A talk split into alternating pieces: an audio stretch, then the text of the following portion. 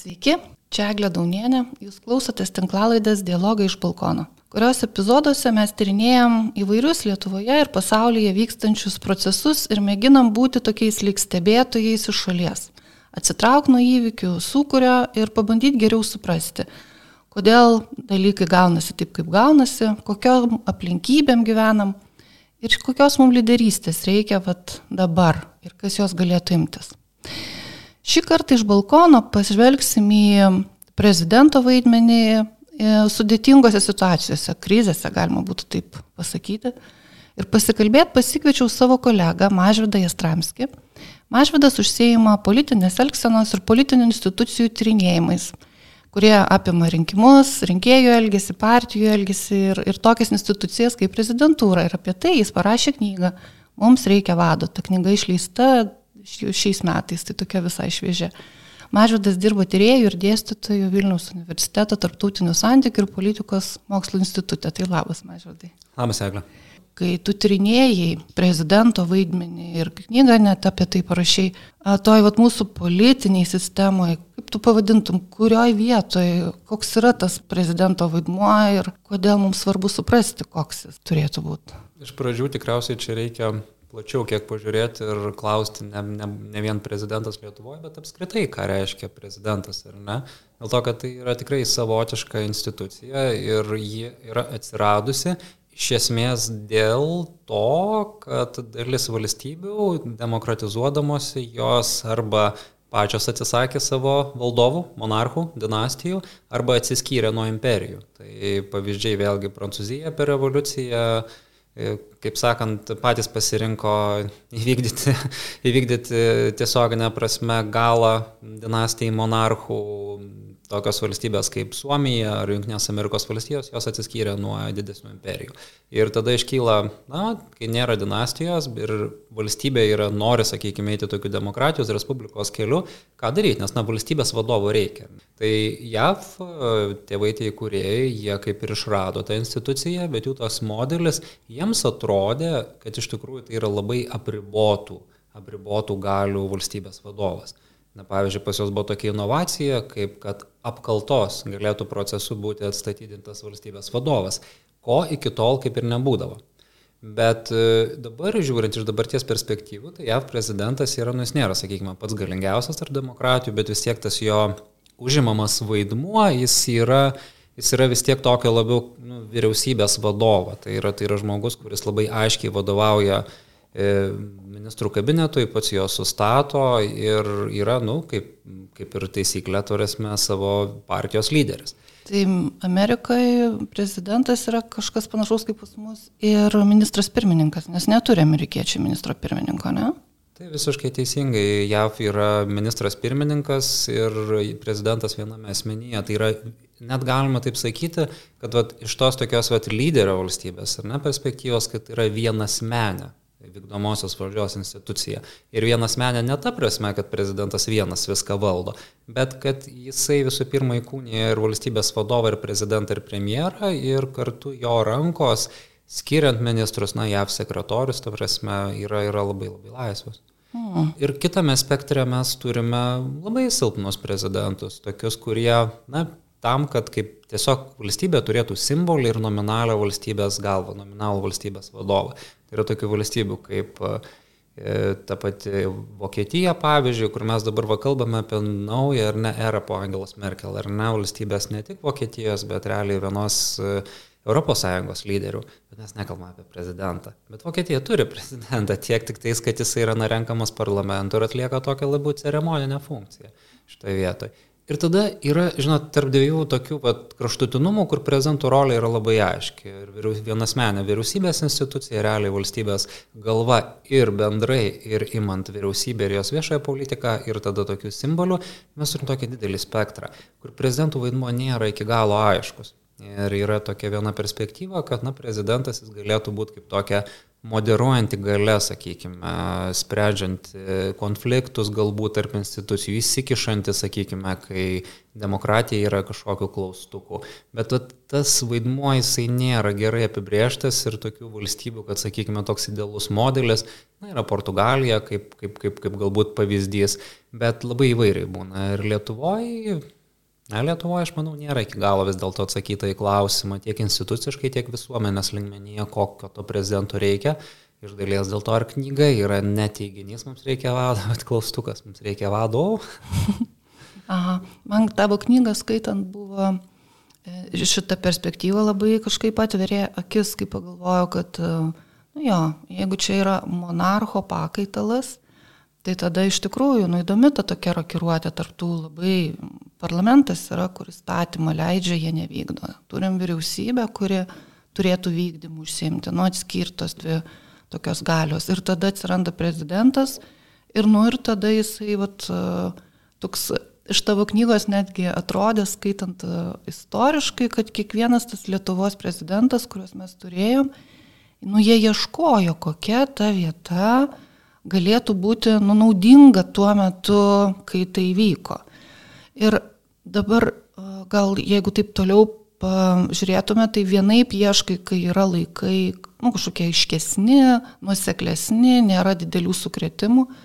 Ir pasidaro labai turbūt tas paaštrintos tos situacijos, kai neapibrieštumo daug, ne, kai netikrovės labai daug, nes labai kas nors keičiasi. Tai šiuo metu dabartiniam prezidentui tenka uh, valdyti, nu, ar veikti situacijoje, kai mes turim, nu, kai kas vadina hybridinio karo krizę, ekonominių sankcijų, va dabar pasiekmes, kas su jomis turi tvarkytis ir kitokie reikalai. Tai gal prieš kalbant apie dabartinį prezidentą, ar tau va, tyrinėjant, kaip tu matai, kaip tokius klausimus, va, krizinės situacijos, kokia mano vieta, kiti prezidentai ankstesni sprendė. Čia galbūt vėlgi galėtume mes kalbėti apie Lietuvą, bet pažiūrėti plačiau, dėl to, kad e, pavyzdžiui Prancūzijos dabartinis labai šiaip stiprios prezidento institucijos modelis, jisai beje iš krizės susidarė būtent dėl to, kad parlamentinė ketvirtoji Prancūzijos Respublika su labai fragmentuotu ir labai ideologiškai susiskaldžiusiu parlamentu tiesiog visiškai nuleido rankas Alžyro krizės akivaizdoje. Ir tuo metu buvo, na, tiesiog visiškas, sakykime, vakumas politinės lyderystės valstybėje ir iš tokios politinės pensijos generolas Šarlis de Golis grįžo ir, na, ne vien jisai pas, bet aišku, su konstitucinės teisės specialistais buvo ta valstybės valdžių sąranga pakeista į prezident, nu, ne į prezidentinę, bet tokią stipraus prezidento labiau rolę ir, na, Šarlis de Golis buvo tas pirmas jau dabar tos vadinamosios penktosios Prancūzijos Respublikos vadovas. Portugalijoje prezidentai yra tokie, nu, mes juos vadintumėm pasyvus, bet jie, va, teisik, jie turi tokių galių, pavyzdžiui, parlamento paleidimo galę, kurią nepiknaudžiauja. Man būtų sunku šiaip įsivaizduoti Lietuvoje tokią galę, nes aš įsivaizduoju, kad prezidentai jie galėtų piknaudžiauti labai, bet, na, ji buvo panaudota kelis atvejus, kai tiesiog būdavo valstybė visiškai politinė aklavė. Tai ten vėlgi nėra, kad vienašališkai, bet daugiau yra galimybių negu Lietuvoje. Ir dabar jau kalbant apie Lietuvą, tai tų krizių įvairiausių buvo, bet vat, kalbant apie tokią santvarką kaip Lietuvoje, kai yra na, dualistinė valdžia, ar ne, vis tiek. Yra tas balansas tų galių kompetencijų, aišku, jisai, jisai skiriasi, bet vis tiek mes turime prezidentą, kuris yra atskirai renkamas ir turim vyriausybę, kur gauna iš parlamento mandatą. Ir čia aš kodėl tai sakau, kad turėt galvoje, vat, ką mes kalbėsim galbūt ir apie dabartinį prezidentą Gitaną Nausėdą, kad neišvengiamai prezidentas, jis norėdamas būti lyderiu politiniu ir galbūt pasiūlyti savo krizės sprendimus imtis, atsiranda trintis ar įtampa su vyriausybė, dėl to, kad tai, nu, tai nėra to pačio įprastai politinio kūno, sakykime, vienetai. Ir tai yra užkoduota toj, tai, tokiam pasidalyme galio, ne? Visiškai taip, tarasme, ir yra tokios situacijos, kurios atsiranda vakumas. Čia, pavyzdžiui, šitoje vietoje galima prisiminti dalios grybauskaitės veiksmus antroje kadencijoje ypatingai.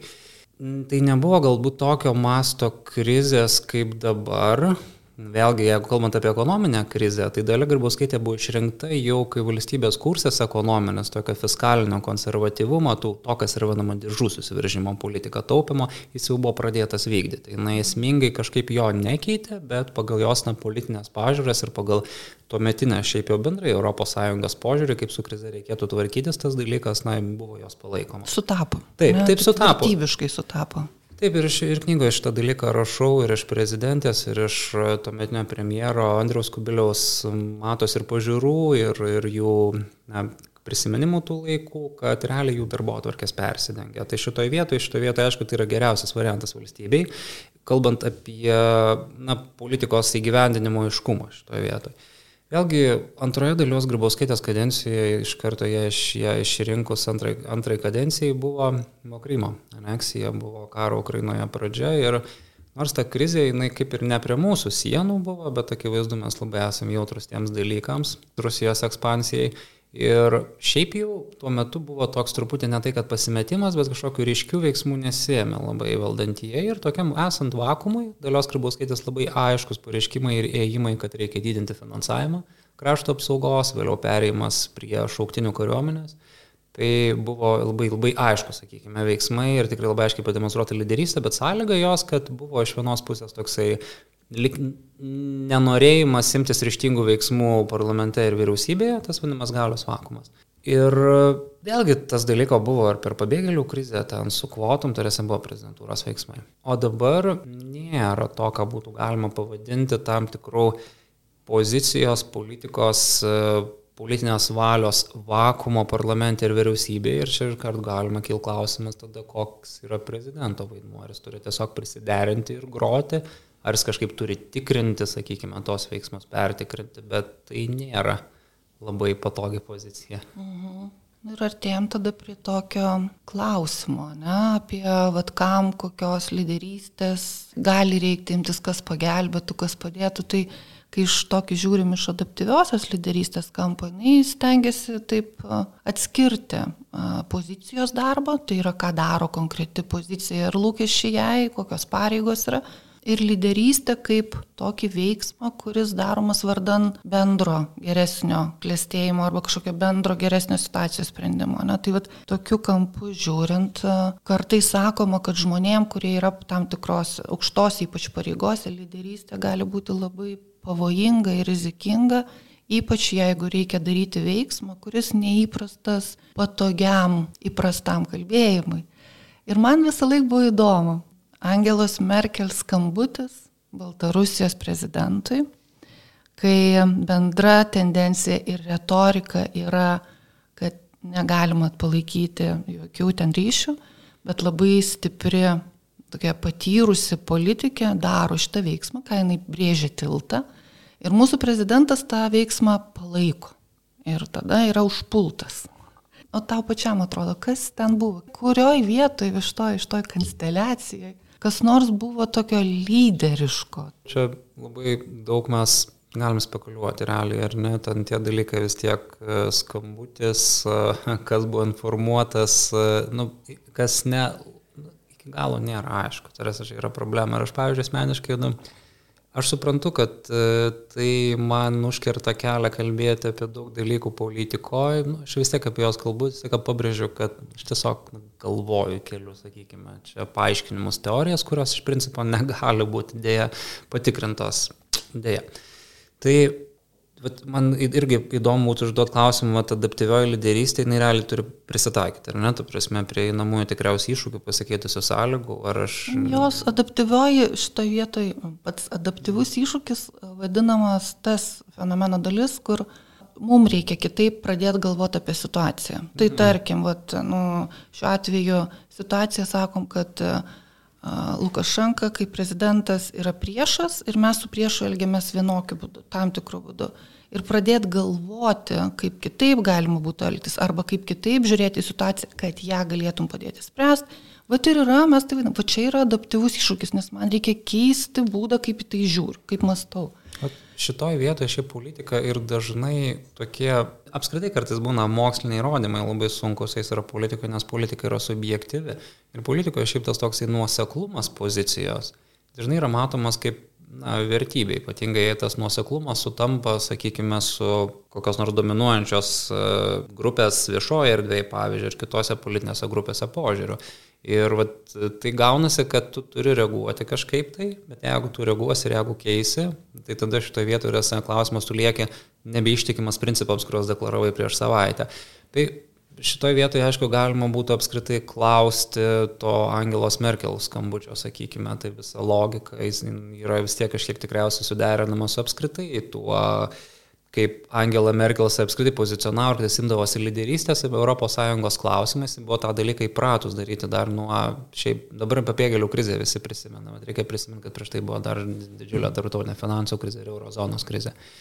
Ir tas, na, sakykime, jos pozicija, aišku, susijusi buvo ir su Vokietijos labai aiškiais interesais. Migrantų galutinis tikslas yra ne, ne Lietuva, Lenkija, tai yra Vokietija šitoje vietoje. Prezidentas, aš manau, šitoje vietoje jisai tiesiog e, sekė, sakykime, būtent ta prasme, kas vyksta ES lyderio ligmenyje ir jisai tiesiog sekė tą poziciją. Bendrai, kad iš to buvo išpūstas labai didelis burbulas, šiaip iš tikrųjų, tai čia šiaip yra kita dar viešosios erdvės e, pozicija, kad kiekvieną dieną yra randama kuo pasipiktinti labai, tu prasme, šitoje vietoje. Ten, aišku, vėlgi buvo piktintis ta prasme, kad tikrai prezidentas kalbėjo vieną, po to pradėjo kalbėti kitą, buvo galima middle road šiaip tai ir rasti.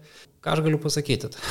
Kad e, lyderio vaidmuo, ypatingai kai tu nesi vienintelis lyderis, yra ganėtinai sudėtingas šitoje vietoje. Taip, situacija kaip krizė, jinai iš tikrųjų susikūrė dėl to, kaip mes dabar galvojam vieni apie kitus, ką mes laikom Lukašenką, ką mes laikom kitas e, aplinkui esančias šalis ir daryti veiksmą, kuris prieštarauja yra iš tikrųjų atrodo tokia išdavystė. Tai net ir Merkelgi, ar ne, buvo pagalvota, kad nu, išduoda, nu, darydama šitą skambutį. Bet um, apie tai, va, adaptyviosios lyderystės požiūrį ir sakoma, va, todėl ta lyderystė ir yra pavojinga, nes tau tenka imtis veiksmo, nes tas veiksmas, ką darė Merkel, net pagalvojau, taip daro visi dėrybininkai, tarkim, tie dėrybininkai, kurie turi eiti ir išlaisvinti įkaitus jie eina kalbėtis su tais, kurie juos pagrobė, su pagrobėjais. Nors atrodytų nusikaltėliai ir neturėtų, bet tu eini į pokalbį su ta kita pusė, mėgindamas atrasti tiltą, atidaryti duris ir išlaisvinti. Ne? Ir tau jau tada, kaip tose dėrybose vyksta pokalbis, tu tikiesi, kad jis įvyks taip, kad e, kažkoks bus rastas sprendimas, kuris šiuo metu, jeigu mes nesikalbėsim, jis tiesiog nebus surastas. Tas kalbėjimasis galbūt buvo čia per daug e, sureikšmintas iki tokio lygmenio, nu, kad nu, tu iš vis negali kalbėtis. Mes šitoje vietoje, nu, realiai tikrai yra daug situacijų, kad nu, santykiai tarp valstybių yra net ir kai labai blogas karo stovis yra palaikomi kažkokie tai, nes, nu, kaip tą daryti. Bet problema šitoje vietoje tik labiau buvo tai, kad tai buvo, nu, sakykime, didelės valstybės asmeninė lyderio iniciatyva. Ypatingai taip, kaip galima suprasti, nederinta bendrai, sakykime, ES užsienio reikalų ministrų pozicija ar vadovo pozicija. Ir tai, aišku, mes šitą vietą išeinam apskritai, jie kalbant apie ES. Kas yra ES lyderiai šitą vietą, ar ne? Tas toksai pasiskirstimas, sakykime, kompetencijos yra ir ganėtinai decentralizuotas, įmant ir labai skirtingas institucijas. Ir užsienio reikalų ministrai gali susiekti valstybių vadovai, Europos komisija šitoje vietoje.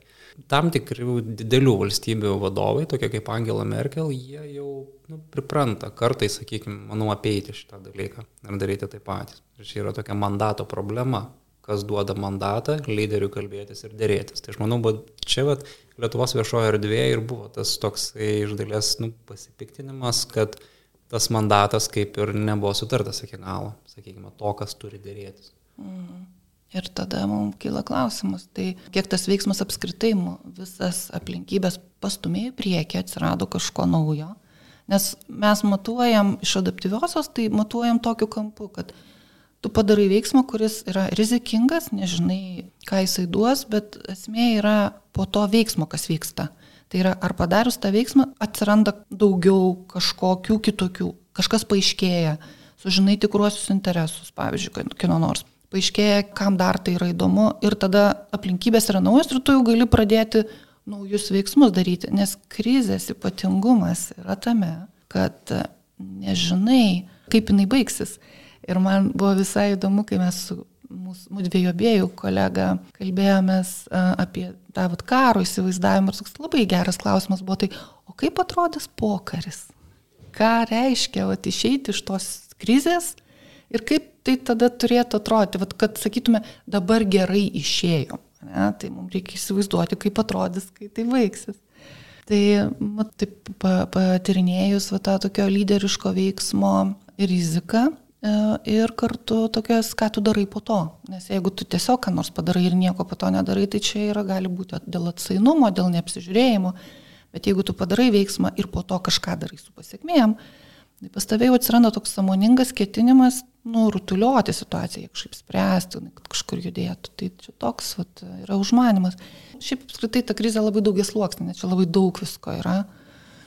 Bet kas tokio atrodo jau dabar aiškiau yra, tai kaip formuojasi, kas tas prezidento vaidmuo, su kuo žmonės sutinka, kad prezidentui galima šitą daryti, kuriuo, su kuo žmonės sako, ne, ne, ne, ne, mes nenorim, kad prezidentas šitą darytų. Tau istoriškai kaip tau atrodo? Na, įdomiausia yra tai, kad nu, aš apie tai ir knygoje kalbėjau tam fragmentiškais kai kuriais aspektais, pavyzdžiui, ten ar, ar Lietuvos gyventojai palaikytų prezidento galių didinimą, sakykime, ar ne, bet apskritai tas sociologinis ligmuo jisai nėra beveik tyrinėtas. Čia buvo, buvo ekspedicija Mainės Ramonaitės ir, ir kolegų su studentais truputį tyrinėjo, kaip, kaip, kaip iš kokybinio interviu, to, to, kaip, kaip Lietuvos gyventojai, kaip pasakoja, kaip įsivaizduoja prezidentą, Bet kad ten matau, ten yra asmeninės savybės, ar asmen dažniausiai, ar koks jisai turi būti, sakykime, bet nekalbam apie institucinės galias. Ir šiaip aš visame šitam planame labai teisingai pasakė, kad yra daugias sluoksnė problema ir viena iš tų sluoksnių ir ypatingai vėlgi, kalbant apie situaciją Merkel skambučio, nausėdos pasikeitimo retorikos, šiaip nu, 180 laipsnių kampu, tada kitų politikų reakcijos, vėlgi santykių tarp kai kurių valdančių atstovų, pavyzdžiui, užsienio reikalų komiteto pirmininko pirmininko ir prezidentūros. Dalykas yra tos, kad mūsų konstitucinis padalymas, jis šiaip jau teoriškai yra labai gražus, bet nėra iki galo aiškus kompetencijos net ir užsienio politikos rytyje. Ir nu, šitoje vietoje, sakykime, konstitucinės teisės specialistai gal sakytų, kad ne viskas yra aišku, bet praktikoje matome, kad tiesiog nėra tų normų pasidalymo. Dėl to, kad jeigu yra rašoma, kad na, mes turim tas dvi pagrindinės normas, kad vykdo užsienio politiką vyriausybė ir prezidentas kartu, neaišku, kaip jie vykdo. Ta prasme, kokie yra organai, kokie yra institucijos, kurios derina tą vykdymą šitoj vietoje. Jų mm. nėra. Nėra tokio dalyko. Pavyzdžiui, Suomijoje yra toks dalykas. Koks? O, kaip įdomu. Komitetas tarp užsienio reikalų ministerijos ir prezidentūros, tai prasme, tai yra oficiali. O pas mus beveik viskas yra paliktas tam neformaliam koordinavimui ir šalia turim kitą normą, kad prezidentas sprendžia svarbiausius užsienio politikos klausimus.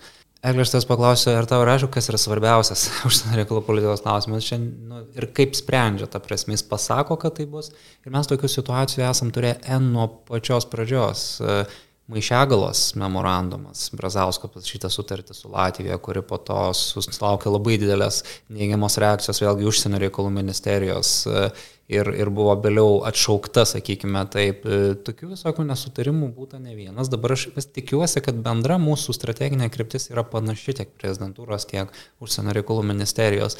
Bet mes matom, kad nepaisant to, jei mes misim prezidentūrą, vyriausybę, Juk visi sutarė, kad e, Lukašenka yra grėsmė. Visi sutarė, kad jisai inspiruoja realiai na, na, humanitarinę krizę, tas migracija, sakykime, taip išnaudoja žmonės, kad jis, visi sutarė, kad, jisai, kad reikia, reikia imtis kažkokių sankcijų e, ir, ir, ir jas plėsti. Bet praktikoje, kažkokiose trumpalaikiuose perspektyvose mes randam tokį, nu, kažkas kažką pasakė, kažkas sureagavo, dabar vėl turim valdančiųjų tą paslydimą dėl, dėl, dėl sankcijų Belaruskiai.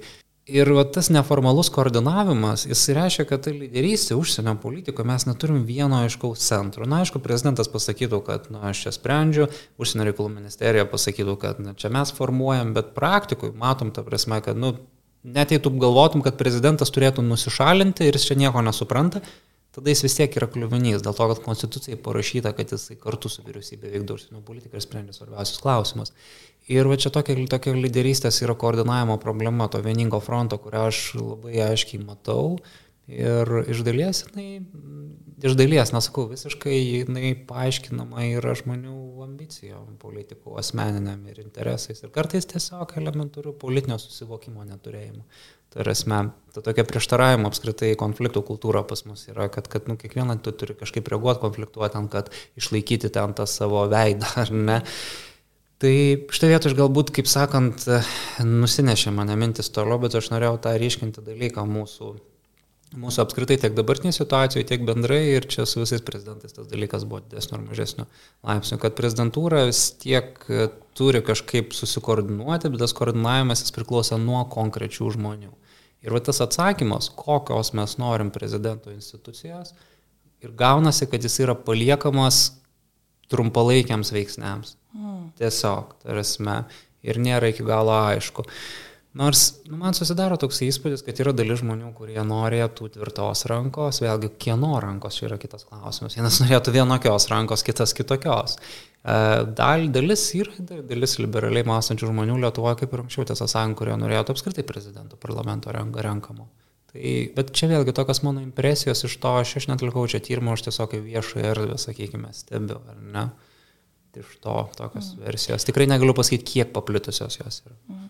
Bet tu sakai, kad vat, Suomiai radė yra formatą, ne, Pas juos, e, nenoriu sumeluoti, bet tiesiog tai yra formalizuotas įstatyminė tvarka užsienio reikalų, komitetas prie užsienio reikalų ministerijos, kuriame prezidentai derina. Tai esmė tiesiog e, su užsienio reikalų ministerija pozicijas. Vėlgi, ten yra dalykas, tam prezidentas yra silpnesnis. Mm. Jie yra ir konstitucinių įstatymų, pavyzdžiui, jau apriboja, kad ne, ne prezidentas, bet premjeras atstovauja, atstovauja šaliai. Bei argumentas yra toks įdomus, kad kuo mažiau yra apibrėžiama, tuo tai yra palankiau prezidentams, dėl to, kad jie gali išnaudoti apibrėžimo vakumą savo neformaliom iniciatyvams. Tai iš vienos pusės turėtų atrodyti, nes kai yra neformalu, tai daugiau vietos išradingiam, kūrybingiam sprendimam turėtų būti.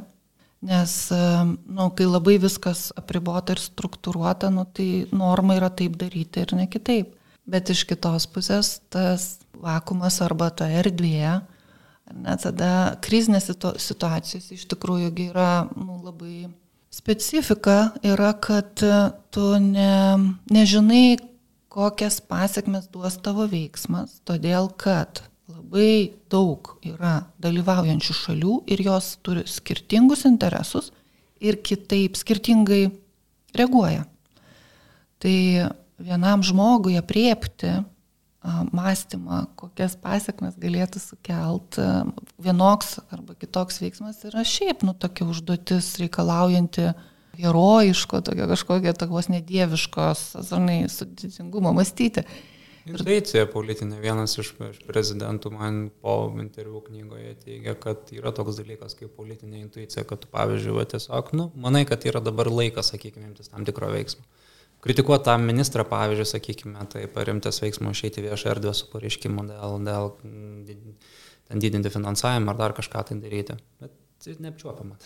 neapčiuopiama ir tada atsiranda, bet erdvės tada, kai yra neformalizuota, erdvės tam atsiranda, ne? Tada, bet intuicija, jinai irgi turi e, turėti, nu, turi ateiti iš tokio patirties ir, ir tokio, ne, ir tada, kai jeigu mes turime prezidentą, kuris turi nedaug, politinio tiesiog veikimo patirties, tai jam ta intuityvus veikimas toks pasidaro.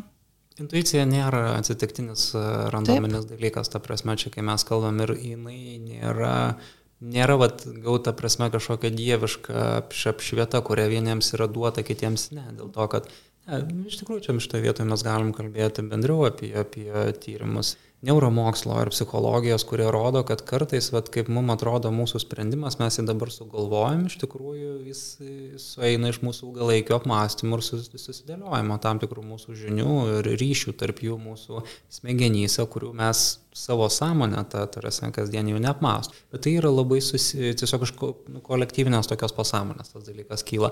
Tai dabar politikas, jisai, vad skirtumas yra, ar jisai prieš tai bus, turės didelę labai patirtį Europinėse institucijose, vyriausybėse dirbęs, apskritai su, susipažinęs, sakykime, su bendrai Europos lyderių, sakykime, tam tikrom konfiguracijom. Tai yra labai svarbu. Ir tada, ar vidaus, sakykime, politikos tam tikrom visokiam mm, specifikom, tai yra labai svarbu. Ir kalbant apie dabartinį prezidentą, na, Aišku, čia visą laiką yra tas dalykas, kai tu kalbė apie žmonės, iš karto automatiškai reakcija yra girdinčių tave kalbančių, kad tu turi simpatijas, antisimpatijas. Bet faktas yra tas faktas, kad Gitanas Nausėda yra pirmas mūsų prezidentas, kuris atėjo į prezidento postą, prieš tai nieko politikoje neveikęs visiškai. Jis komentuodavo dalykus ekonominius taip, bet politinės patirties ir ne vien politinės, bet darbo viešos, sakykime, kaip viešo valstybės pareigūno jisai nėra turėjęs ir tai, tai iš tikrųjų labai matosi. Mm. Komunikacija, čia aišku paprasčiausia pasakyti, dabar visi šiais laikais savo komunikaciją, bet Taip. kas yra komunikacija, tai yra kalbėjimas apie tavo veiksmus. Gerai, tu ne tik prezidento instituciją tyrinėjai, ne, bet dar tyrinėjai ir daug labai rinkėjų elgesi. Tai jeigu pažiūrėtum šitoje krizėje, kokioje mes dabar esam, ir kadangi prieš tai yra buvusių uh, krizių, ką krizė padaro tam tikriem paskui pasirinkimam rinkėjų. Bet krizė labai paveikia ten, kur nėra ilgalaikio didesnio pasitikėjimo politikais ir tvaresnio atstovavimo tokio. Tam tikrose valstybėse, kaip pavyzdžiui Skandinavija, kur partijos datuoja savo įsikūrimus ne dešimtmečiais, bet šimtais metų. Oho. Taip, netgi taip, ta prasme yra. Tokiose valstybėse krizė, nu, vėlgi, tarsi jų poveikis irgi kartu nebuvo labai didžiulis, bet iš esmės kažkaip ypatingai nepertvarkė to, sakykime, peizažo, taip pat, kad buvo ar nebūtų. Pavyzdžiui, kokioje Ispanijoje tai buvo dviguba krizė - ekonominė ir politinė. Prasme, ekonominė dėl pasiekmių valstybei, didžiulio nedarbo, be abejo visų pirma, bet ir politinė, dėl pasitikėjimo politikais. Ir ten realiai iškilo daug naujų jėgų ir net ne viena. Tas pasidalėjimas tapo vos net tarp senosios politikos ir, ir, ir, ir, ir, ir naujosios. Tai dar bendriau įmant apskritai yra tas su krizėm susijusis emocinis fonas ir yra viena tokia teorija, kuri sako, kad yra svarbu, kaip žmonės reaguoja, ar jie nerimauja, ar jie pyksta, pavyzdžiui. Tai tas pykčio, sakykime, reagavimas pykčio į krizės, jis yra labai, labai palankus outsideriam politikai, visiškai žmonėm iš šono ateimui. Mm. E, vėlgi mes galime čia labai bendrai pavadinti tai populistiniam politikos stiliui, ar ne?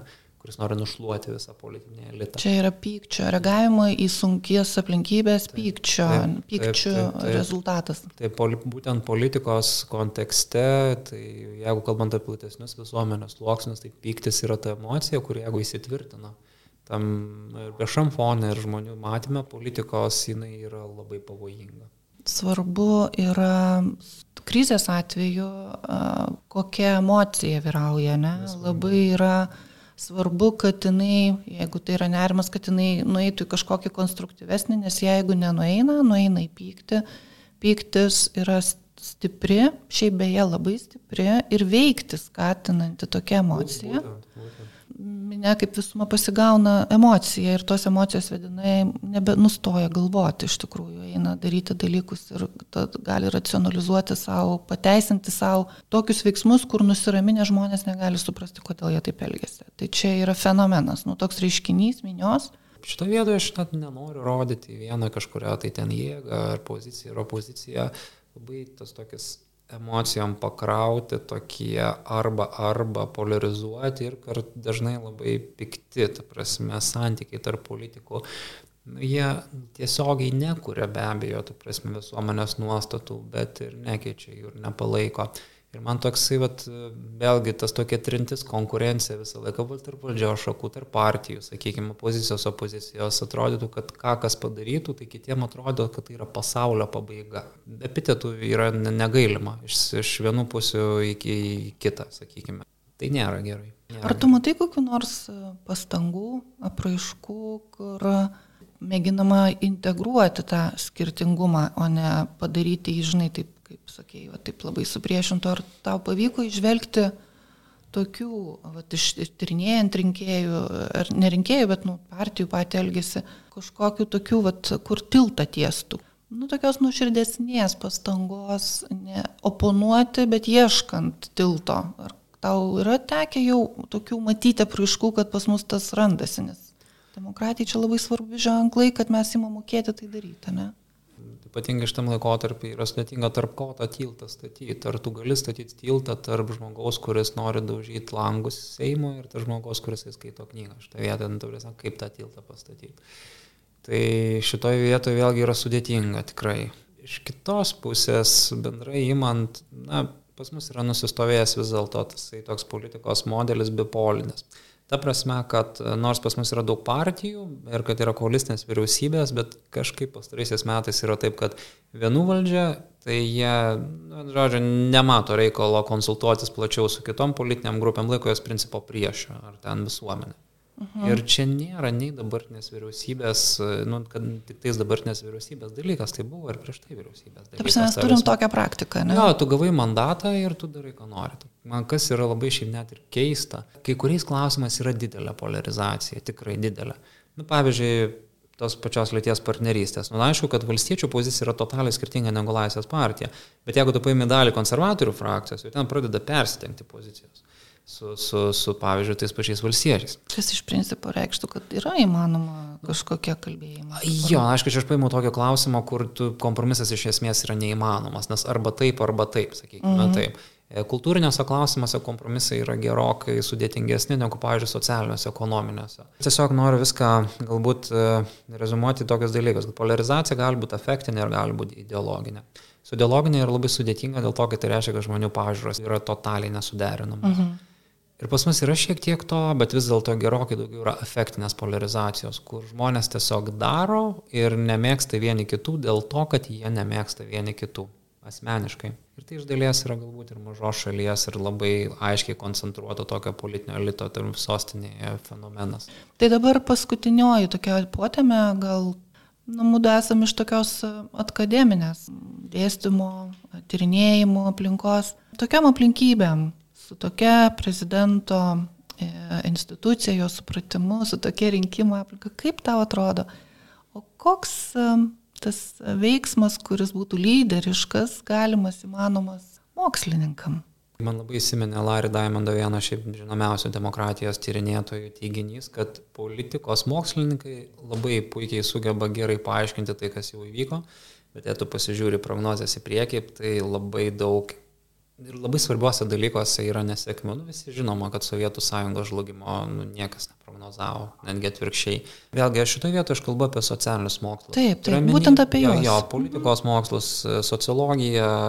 Dėl šitos dalykos mano pozicija yra tokia, buvo rezervuota. Jis yra rezervuota ta prasme, kad aš nemanau, kad mes turim visiškai atsitraukti ir nekalbėti dėl to, kad vis tiek Vieša erdvė yra tokia šiais laikais tokia burbuliuojanti. Bet mm. turiu menį burbuliuojanti, kad visą laiką yra fonas, kur kalba kažkas. Tai. Ir Taip. jeigu, pažiūrėjau, tam pačiam Facebook'e, jeigu tu nekalbėsi ir visiškai daugiau kalbės kiti, gal nebūtų tai blogai šitoj vietoj, bet, na, tu kaip specialistas galbūt, nu, nenori skambėti e, ir nereikia skambėti arogantiškai, bet vis tiek, nu, aš asmeniškai per tuos dešimt su trupučiu metų uh, nu, kažką sužinojau apie politiką, visuomenių elgesį, apie institucijas, apie rinkimų taisyklės, nu, pavyzdžiui, apie tą patį, sakykime, referendumo ten klausimą ar kokios rinkimų sistemos.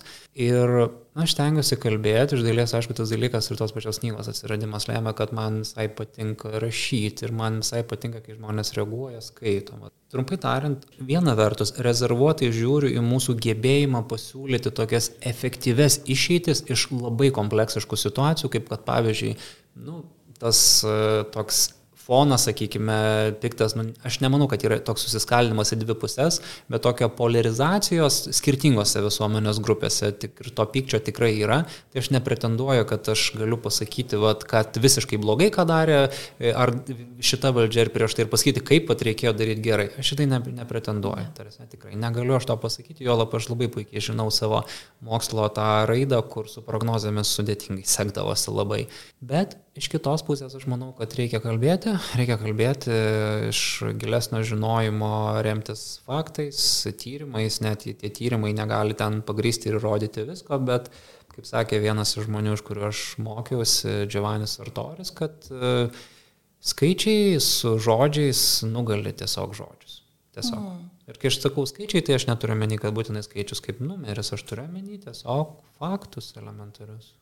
Žinai, adaptyvioje mes turim tokią frazę - užlipti balkoną ir pažiūrėti į situaciją iš aukščiau. Ir tas užlipimas iš tikrųjų, mano galva, yra labai smarkiai mokslininko darbas, nes e, jį darant atsitinka, va, žinai, kažkas sako, reikia referendumui tiek ir tiek. Mažvidas užlipa į balkoną ir sako, žiūrėkit, va taip yra su referendumais, ten buvo, ten buvo, ten buvo taip. Ir tada atsiranda informacija, kuri kažkam kažko norisi ir yra kažkokia praktika mano galva tai daro, jeigu nori, diskusiją išmintingesnę, ieškant atsakymo, ne? Tai kažkaip man atrodytų, kad tas ir, tu, ir tavo tos knygos parašymas, būtent tokia paprasta kalba ir gana sutelkta į pakankamai, taip, nu, sutelkta į temą, nu, man taip atrodo, kad čia yra tokia švietimo veikla, kuri leidžia tiem, kas nori, turėti kažkokį atramą į žinias, kaip buvo, nes iš tikrųjų turbūt čia ir yra svarbus savo žinot. Ateitis socialinė prasme nėra nuspėjama būtent dėl jos daugias sluoksniškumo ir tos įvairovės um, vis didesnio kiekio ir balsų tų atsirandančių. Ne, tas pats veiksmas, ką jis darė ten prieš kel kažkiek metų, tu gali pažiūrėti, jo, kažkas darė ten tokį veiksmą, bet dabar yra kitokios sąlygos, kitokios jungtis, kitokios technologijos. Tai man kažkaip atrodo tas mokslininkų, va, tas jų tyrimo kalbėjimas populiariai suprantamų žudynų. Kodėl aš sakau, kad tai lyderiškas veiksmas? Todėl, kad kartais mokslininkų bendruomenė sako, kad čia yra nevertinga, bet man atrodo, kad tai yra labai vertinga. Nes tai yra tilto tiesimas. Mokslininkai šiaip jie dažnai, dažnai šiaip būna tokie asmenybės tipai, kurie linkia ir introvertiškumą ar sabi siekia atsiskyrėliškumą. Mm. Ir va šitoje vietoje aš manau, kad daugeliu nėra lengva šiaip jau pradėti Taip. kalbėti, ir to, kad nėra labai daug šiaip iš tikrųjų tų tokių kalbančių mokslininkų, apskritai įmant visas rytis, sakykime taip. Ta gaida apibendrinimo, pabandykim, ką mes viens iš kito išgirdom. Na, aš savo iš tikrųjų vėl pagalvojau ir mane privertė privertė vat, pamastyti tas tokias įtampas. Mes tokia norim, kad viskas gautųsi, ar ne, kad politika būtų efektyvi, politikais mes galėtumėm pasitikėti ir kad sprendimai būtų geri kuo didesniam skaičiu žmonių, bet realiai politikoje yra įtampa ir, įtampa ir pasirinkimai. Čia nu, ta būtinė lietuvių išmintis, kad visiems, visiems gerai nebus. Ir turim tą kalbant apie adaptaciją, ar ne, nu, prie situacijų ir privertimą savęs kitaip žiūrėti, ar ne, jie iš tikrųjų labai kontrastuoja ir šiaip žiauriai prieštarauja tam, kad, pavyzdžiui, kas yra sakoma, kad demokratijai reikalinga atskaitinga valdžia, ta prasme, kad tu turi programą, tu turi savo vertybės, jos pristatai rinkėjams, jie tau duoda mandatą ir tada jas įgyvendini. Bet praktika politikos gali reikšti, kad tu net kartais gali, turi visiškai apleisti savo vertybės tam, kad išspręsti problemą, kuri tuo metu yra tiesiog žiauriai aktuali ir kitaip jos neišeina išspręsti. Aš gal pratešiu, žinai, man naujai nuskambėjo Tavo tas kažkaip pavyzdys, kai lyginai skirtingas Europos valstybės, Švedijoje, kur partija turi labai gilias šaknis, tai reiškia, kad yra jau gili tradicija, kelios kartos pasikeitė žmonės su tam tikrom vertybėm gyvena. Ir tokioje šalyje su tokia vat, sistema, būrimosi, gebėjimo kalbėtis, poveikis tos pačios krizės yra daug mažiau žalojantis negu, tarkim, ten, kur nėra ta tradicija gili, nedaug kartų, gal tik viena su jie gyveno. Ir tada yra lengva išardyti, atsirasti kažkam naujam. Toks švediško pavyzdys, vat, vienas, vienas iš šaltinių to galėjimo pas juos kalbėtis, ten, pasitikėjimo realiai žmonėmis, kurie atstovauja. Tai toks kažkaip labai naujai man nuskambėjo ir... Mes totaliai nepasitikim savo atstovais ir taip. tai yra tam tikrą prasme klausimas gali būti atgręžtas atgal. Tai reiškia, kad mes patys savim nepasitikime vieni kitais. Ačiū tau, Mažvidai, už šitą mūsų pokalbį. Ačiū klausytojams, kurie buvot kartu tokiu lėtesniu, e, platesniu požiūriu iš labai aukštai, jau net ne iš Lietuvos perspektyvos, bet viso pasaulio. Mes pabandėm patirinėti e, prezidento vaidmenį su tokia pastanga geriau suprasti, kur esam ir kam dabar čia metas atėjo. Tai čia Aglė Daunienė, klausėtės tinklalaidės dialogą iš balkono su Mažvidu Jastramskiu. Ačiū labai. Ačiū Aglė, ačiū klausytėms.